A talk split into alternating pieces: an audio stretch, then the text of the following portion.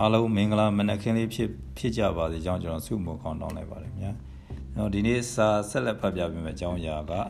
ဘာလဲဆိုတော့ချင်းချောက်မှုကိုအခွင့်အလမ်းဖြစ်သို့ပြောင်းလဲရှုမြင်ခြင်းချင်းချောက်မှုကိုကျွန်တော်အခွင့်အလမ်းဖြစ်ပြောင်းလဲရှုမြင်ခြင်းမနေ့ကတော့အားနည်းချက်ကိုအားသာချက်ဖြစ်ပြောင်းလဲတယ်အဲ့ဒါကျွန်တော်ဖတ်ပြီ။အဲ့တော့ဒီနေ့ကဘာလဲဆိုရင်ချင်းချောက်မှုကိုအခွင့်အလမ်းဖြစ်သို့ပြောင်းလဲခြင်းတကယ်တမ်းမှာတော့ချင်းချောက်မှုတစ်ခုကိုအခွင့်အလမ်းဖြစ်အောင်တိုက်ရိုက်ပြောင်းလဲဖို့အခက်ရင်လာပါတယ် ဒါပေမဲ့ဒီချင်းချောက်မှုပေါ်မှာထားရှိတဲ့မိမိရဲ့အမြင်ကိုတော့ပြောင်းလဲပြစ်နိုင်ပါတယ်နေရာတော်တော်များများမှာဒါဟာချင်းချောက်မှုလားခွင့်လားလားဆိုတော့တတ်မှတ်ရမှာသုံးသက်သူရဲ့အမြင်နဲ့ပဲသက်ဆိုင်တတ်ပါတယ်တော့ခွင့်လားလားချင်းချောက်မှုလားခွင့်လားလားဒါမှမဟုတ်အန်ဒီယလားစသဖြင့်အဲ့လိုသုံးအဲ့လိုဖြစ်အာအဲ့လိုတော်တော်များများကိုသုံးဆုံးဖြတ်ဖို့အတွက်ကကိုယ့်ရဲ့အမြင်ပေါ်မှာပဲမူတည်တာ။ အဲကိုယ့်ရဲ့အမြင်ပေါ်မှာမူတည်။ကျွန်တော်တို့ leadership သင်တန်းတွေမှာသင်ကြရတယ်ဘာလဲဆိုတော့ဖြစ်ပျက်တစ်ခုဖြစ်လာပြီဆိုရင်မကောင်းတာတစ်ခုကိုကိုယ်စီဖြစ်လာပြီဆိုရင်အဲ့ထက်ကကျွန်တော်ကောင်းတာပါရှိလဲရှားတော့ what's in it what's good in it ဆိုတာဒီထဲမှာကောင်းတဲ့အချက်ပါရှိတယ်။ကောင်းတဲ့အချက်ကိုယူပြီးတော့ကျွန်တော်ရွေးပြီးတော့ကျင့်သုံးရတယ်။မှန်တယ်လူတယောက်နဲ့ကျွန်တော်ပေါင်းသင်ဆက်ဆံပြီဆိုရင်တယောက်ကမကောင်းတဲ့ချက်တွေလည်းအများကြီးသူစီကကောင်းကွယ်လေးပါရှိတယ်အဲ့လိုမျိုးပါ was uh, was uh, good in him or in her သူစီမှာကောင်းတဲ့ချက်ပါရှိတယ်ကောင်းတဲ့အချက်ကိုကြည့်ပြီးတော့ကျွန်တော်ပေါင်းသင်ဆက်ဆံဒီလိုမျိုးပဲကျွန်တော်ပြဿနာတစ်ခုဖြစ်လာပြီဆိုရင်အဲ့မှာကောင်းတဲ့ချက်ပါရှိတယ်ဆိုတာကျွန်တော်ရှာဖွေရတယ်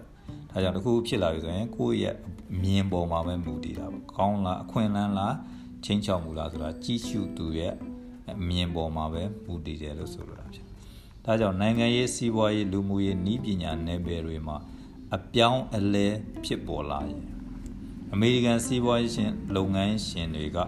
အခွင့်အလမ်းလို့မြင်တတ်ကြပြီးတော့ဥရောပလုပ်ငန်းရှင်တွေကတော့ချင်းချောက်မှုဆိုပြီးတော့မြင်လေးရှိကြပါတယ်။ကမ္ဘာနံပါတ်1ကြောက်စရာအကောင်းဆုံးချင်းချောက်မှုဟာ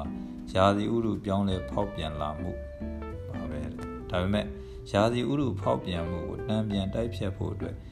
ဒေါ်လာထရီလီယံပမာဏရှိတဲ့ငွေကြေးရန်ပုံငွေတရက်ပေါ်ထွက်လာပြီးတော့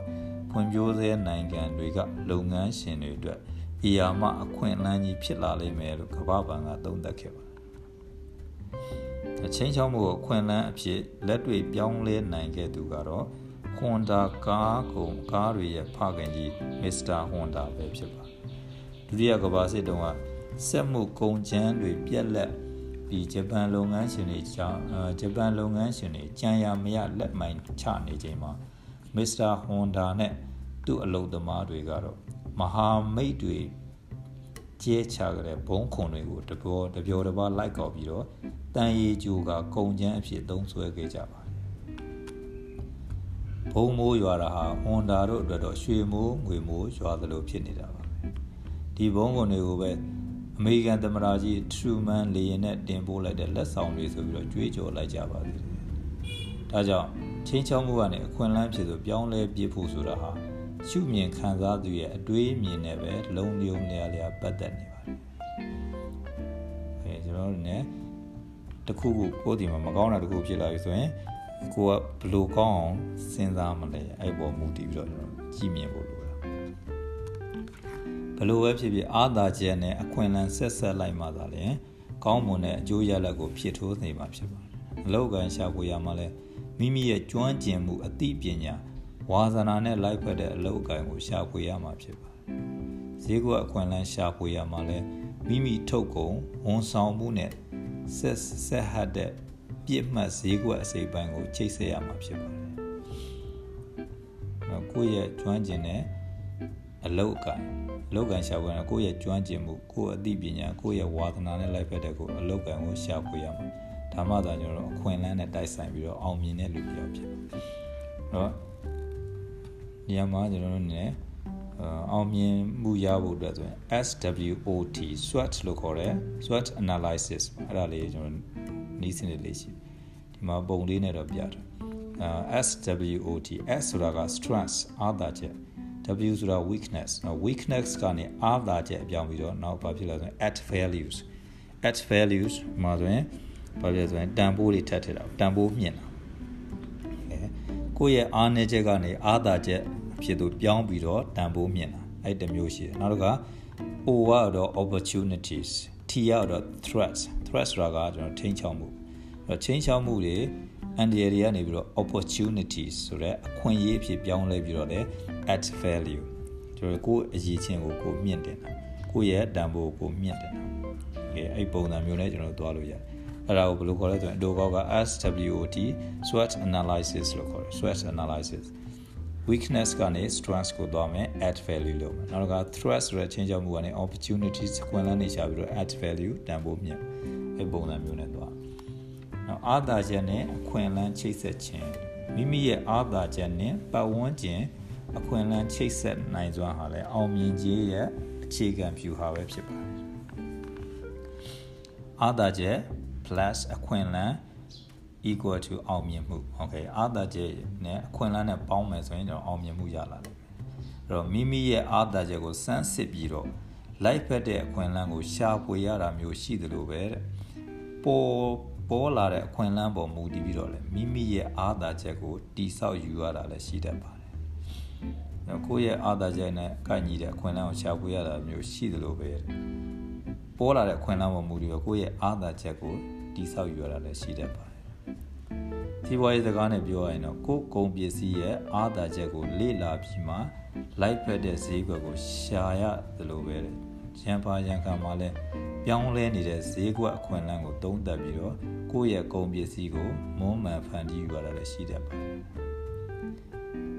နော်ကိုယ့်ရဲ့ကိုယ့်ကုန်ပစ္စည်းအာသာချက်ကိုယူပြီးတော့အာသာချက်ကိုရှာပြီးတော့ကျွန်တော်ဈေးကွက်မှာဖြန့်ချိတာရှိသလိုမျိုးတစ်ခါလေးရောက်ရင်လည်းဈေးကွက်လိုအပ်ချက်ပေါ်မူတည်ပြီးတော့လည်းကိုယ့်ကုန်ပစ္စည်းတွေကိုကျွန်တော်ပြုပြင်မုံမှန်ဖန်တီးရတာတွေလည်းရှိတတ်တယ်။ဒါကြောင့်အာသာချက်ကနေအခွင့်အလမ်းကိုသွားလို့ရတယ်လို့အခွင့်အလမ်းအနေနဲ့ကိုယ့်ရဲ့အာသာချက်ကိုရှာဖွေလို့ရတယ်။ Okay နောက်တစ်ခုကဘာလဲဆိုရင်အားနည်းချက်နဲ့အခွင့်အလမ်းဆက်ဆက်လှုပ်ဆောင်ခြင်း Okay ကိုယ့်ရဲ့အားနည်းချက်ရှိမယ်ဒါပေမဲ့အခွင့်အလမ်းပေါ်လာပြီဆိုရင်တို့နဲ့ဘယ်လိုရှေ့ဆက်သွားမလဲ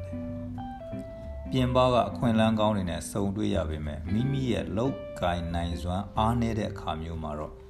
ရူပဗေဒပညာမှာဖော်ပြထားတဲ့ကုတ်အားကိုသုံးပြီးတော့မြင့်တင်ရပါတယ်ကုတ်အား leverage leverage ကုတ်အားဆိုတာကကျွန်တော်ပစ္စည်းတစ်ခုကိုမမနိုင်ဘူးဆိုရင်ကျွန်တော်ဒုတ်တွေဒီမှာတစ်တုံးတစ်တုံးတွေနဲ့ကလော်ထိုးပြီးတော့မာတာမျိုး အဲ့ဒါကိုကျွန်တော် leverage ကုတ်အားလို့ခေါ်အဲ့တော့ကုတ်အားကိုသုံးပြီးတော့မြင့်တင်ရမှာတော့သူတစ်ပါးရဲ့အင်အားကိုအကျိုးတူရယူအသုံးချခြင်းဟာအကောင်းဆုံး view ဟာပဲဖြစ်ပါတယ်။အကိုကိုယ်တိုင်မလုပ်နိုင်ဘူးဆိုရင်သူတစ်ပါးစီစီကအင်အားကိုယူအောင်။ကဲအဲ့လိုယူတဲ့အခါမှာသူတစ်ပါးရဲ့အင်အားကိုရယူအသုံးချရမှာအဓိကနီး view ဟာတွေကတော့ OMP ဟို OPM နံပါတ်1က OPM နံပါတ်2က OPT နံပါတ်3က OPE လို့ရှိပါ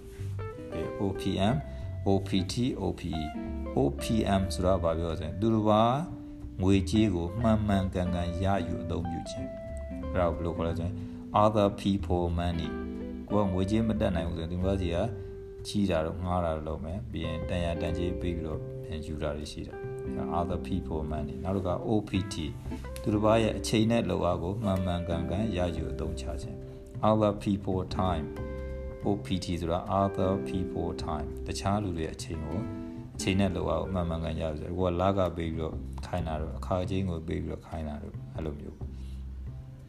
အဲ့တော့ OPE သူတို့ရဲ့အတွေ့အကြုံကိုမှန်မှန်ကန်ကန်ရယူအသုံးချခြင်း other people experience okay ညမှာ OPE ဆိုတာက other people experience okay တခြားလူတွေအခွင့်အာ အတွေ့အကြုံတွေကိုမှန်မှန်ကန်ရသုံးချတယ်ကိုကိုယ်တိုင်မလုပ်နိုင်ဘူးဆိုရင်သူတို့အတွေ့အကြုံအတွေ့အကြုံတွေကိုကျွန်တော်တို့ ਨੇ ခုတ်ချငားတယ်လို့မျိုးကိုယ်နီးပြပေးတဲ့လူတွေငှားတယ်လို့မျိုးငှားပြီးတော့ကျွန်တော်ဘာလုပ်ရမလဲဆိုရင်အဲရယူနိုင်ဥမာအပြင်လုပ်ငန်းရှင်တဦးဟာတေချာပေါက်မြက်မဲ့လောက်ွက်ကြီးတခုတွေ့ထားပေမဲ့မိမိရဲ့ငွေရင်းကနဲနေတယ်ဆိုရင်ဘဏ်ကဖြစ်စေတဏီယာယာကဖြစ်စေငွေချေးရတော့မှာပါပဲဒါကတော့ OPM ကိုသုံးလိုက်တာ မိမိတယောက်တည်းစီမံခန့်ခွဲဖို့အချိန်မပေးနိုင်ဘူးဆိုရင်လည်းမန်နေဂျာတွေငှားရမ်းပြီးတော့ OPT ကိုသုံးလို့ရပါသေးတယ်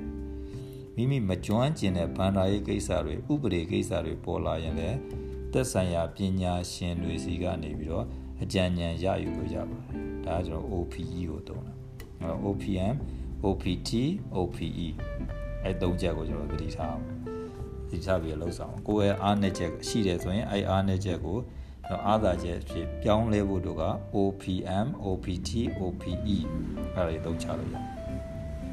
။တော့ကအားသာချက်နဲ့ချိန်ချောက်မှုအားပြန်ခြင်း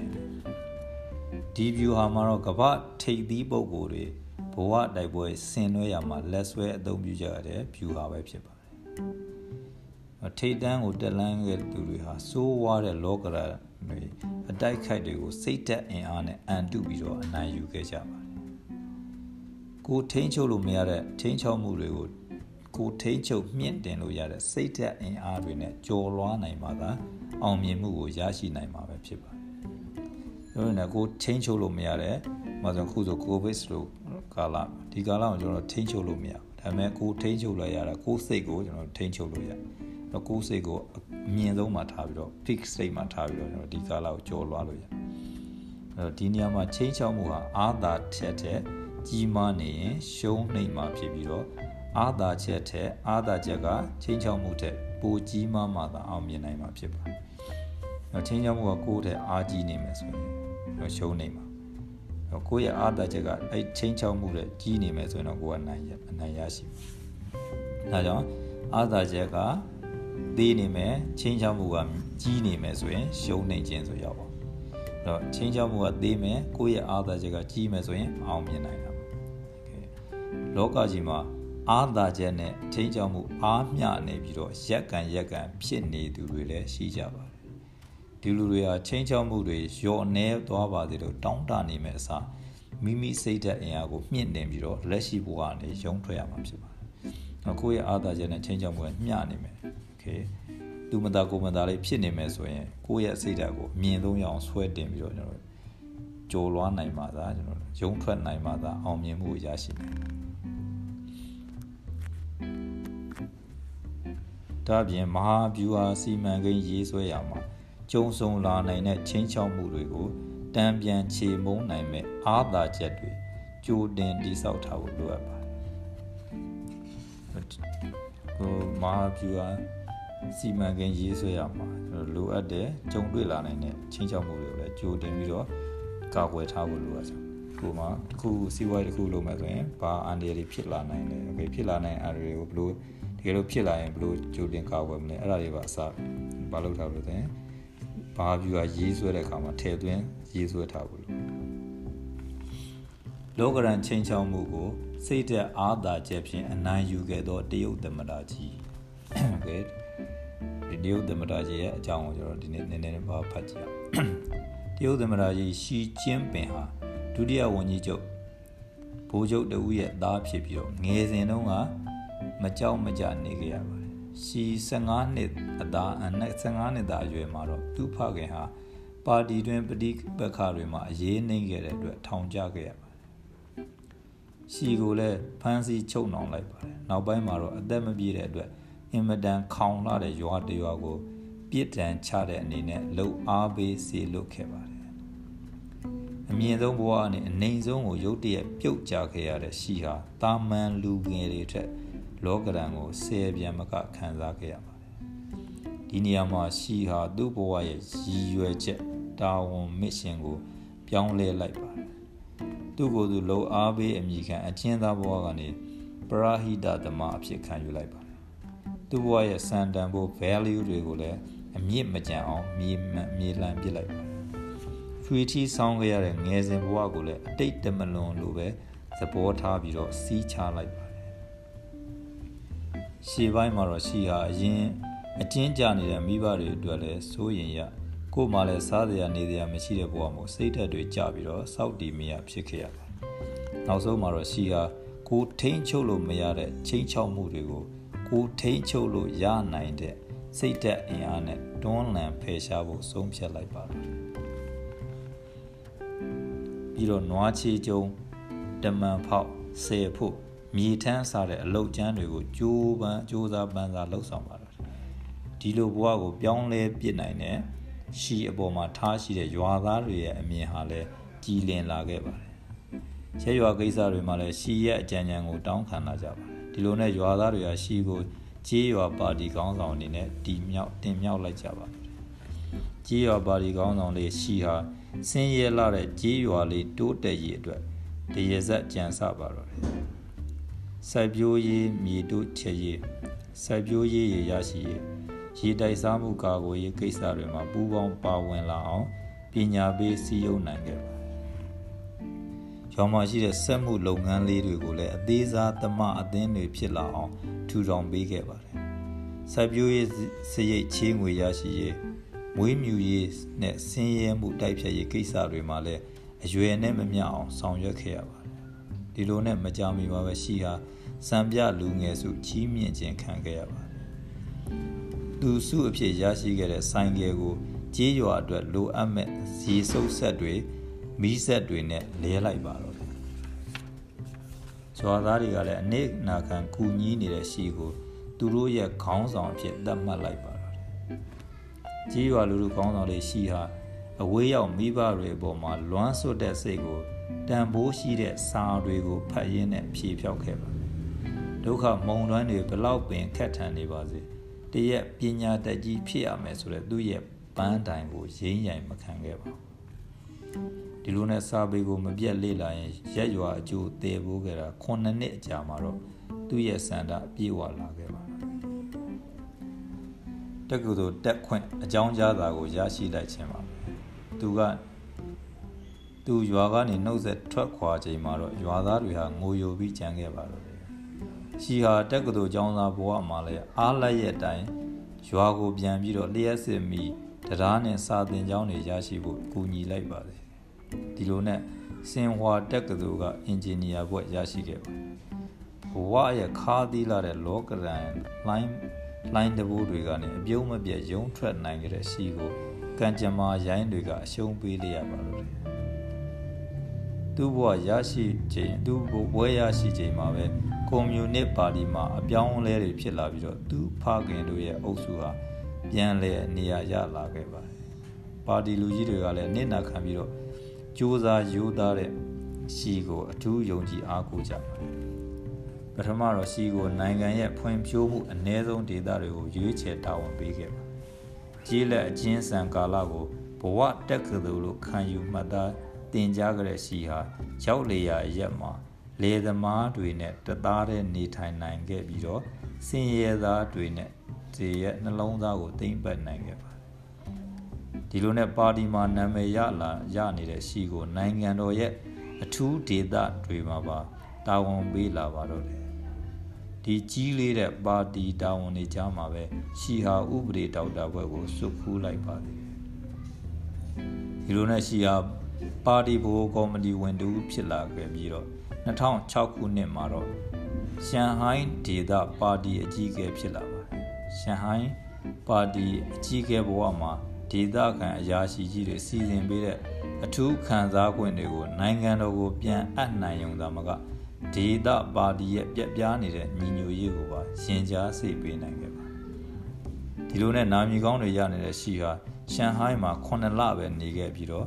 2009ခုနှစ်မှာတော့ Party Policy Bureau အဖွဲ့ဝင်ဖြစ်လာခဲ့ပါတယ်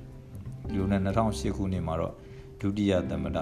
2013ခုနှစ်မှာတော့တရုတ်ပြည်ရဲ့သမ္မတကြီးဖြစ်လာခဲ့ပါတယ် ဒါကြောင့်ကျွန်တော်တရုတ်ပြည်ရဲ့သမ္မတကြီးရှင်ကြီးပင်ရဲ့ဘဝဇာတ်ကြောင်းရှင်ချင်းပင်ရဲ့ရှီချင်းပင်ရဲ့ဘဝဇာတ်ကြောင်းသူသားတကယ်လို့ဖြစ်လာတဲ့မကောင်းတဲ့အားတွေကအပြစ်ထိုင်ပြောပြီးတော့ဒီတိုင်းပဲဒီစုံလိုက်နေခဲ့မယ်ဆိုရင်သူ့ဘဝကဒီလိုတမတဖြစ်လာကြကျွန်တော်အကြောင်းမရှိဘူးသူတွေ့နေတဲ့အခက်ခဲတွေကို ကြော်ဖြတ်ရုံးထွက်ပြီးတော့စိတ်တန်ခိုင်ခိုင်မာမာနဲ့ကြော်ထွက်ရုံးဖြတ်နိုင်ခဲ့တော့အခုဆိုရင်တရုတ်ပြည်ရဲ့တမတာကြီးတယောက်ဖြစ်လာဒါကကျွန်တော်တို့အခက်ခဲတွေကိုချင်းချောက်မှုတွေကိုကျွန်တော်နိုင်ယူတာချင်းချောက်မှုတွေကိုကျွန်တော်စိတ်ဓာတ်စွမ်းအားကိုယ့်ရဲ့အားသာချက်နဲ့အနိုင်ယူတဲ့ပုံစံမျိုးအဲကြံတဲ့ဟာတွေကိုကျွန်တော်နောက်ရက်မှာဆက်လက်ဖတ်ပြပေးမှာဖြစ်လို့အားလုံးကျမ်းမှာချမ်းသာတဲ့တက်တော့တက်တာနေကြတယ်ဘယ်လိုဆူတောင်းရင်းနဲ့ okay? See you tomorrow. Okay bye bye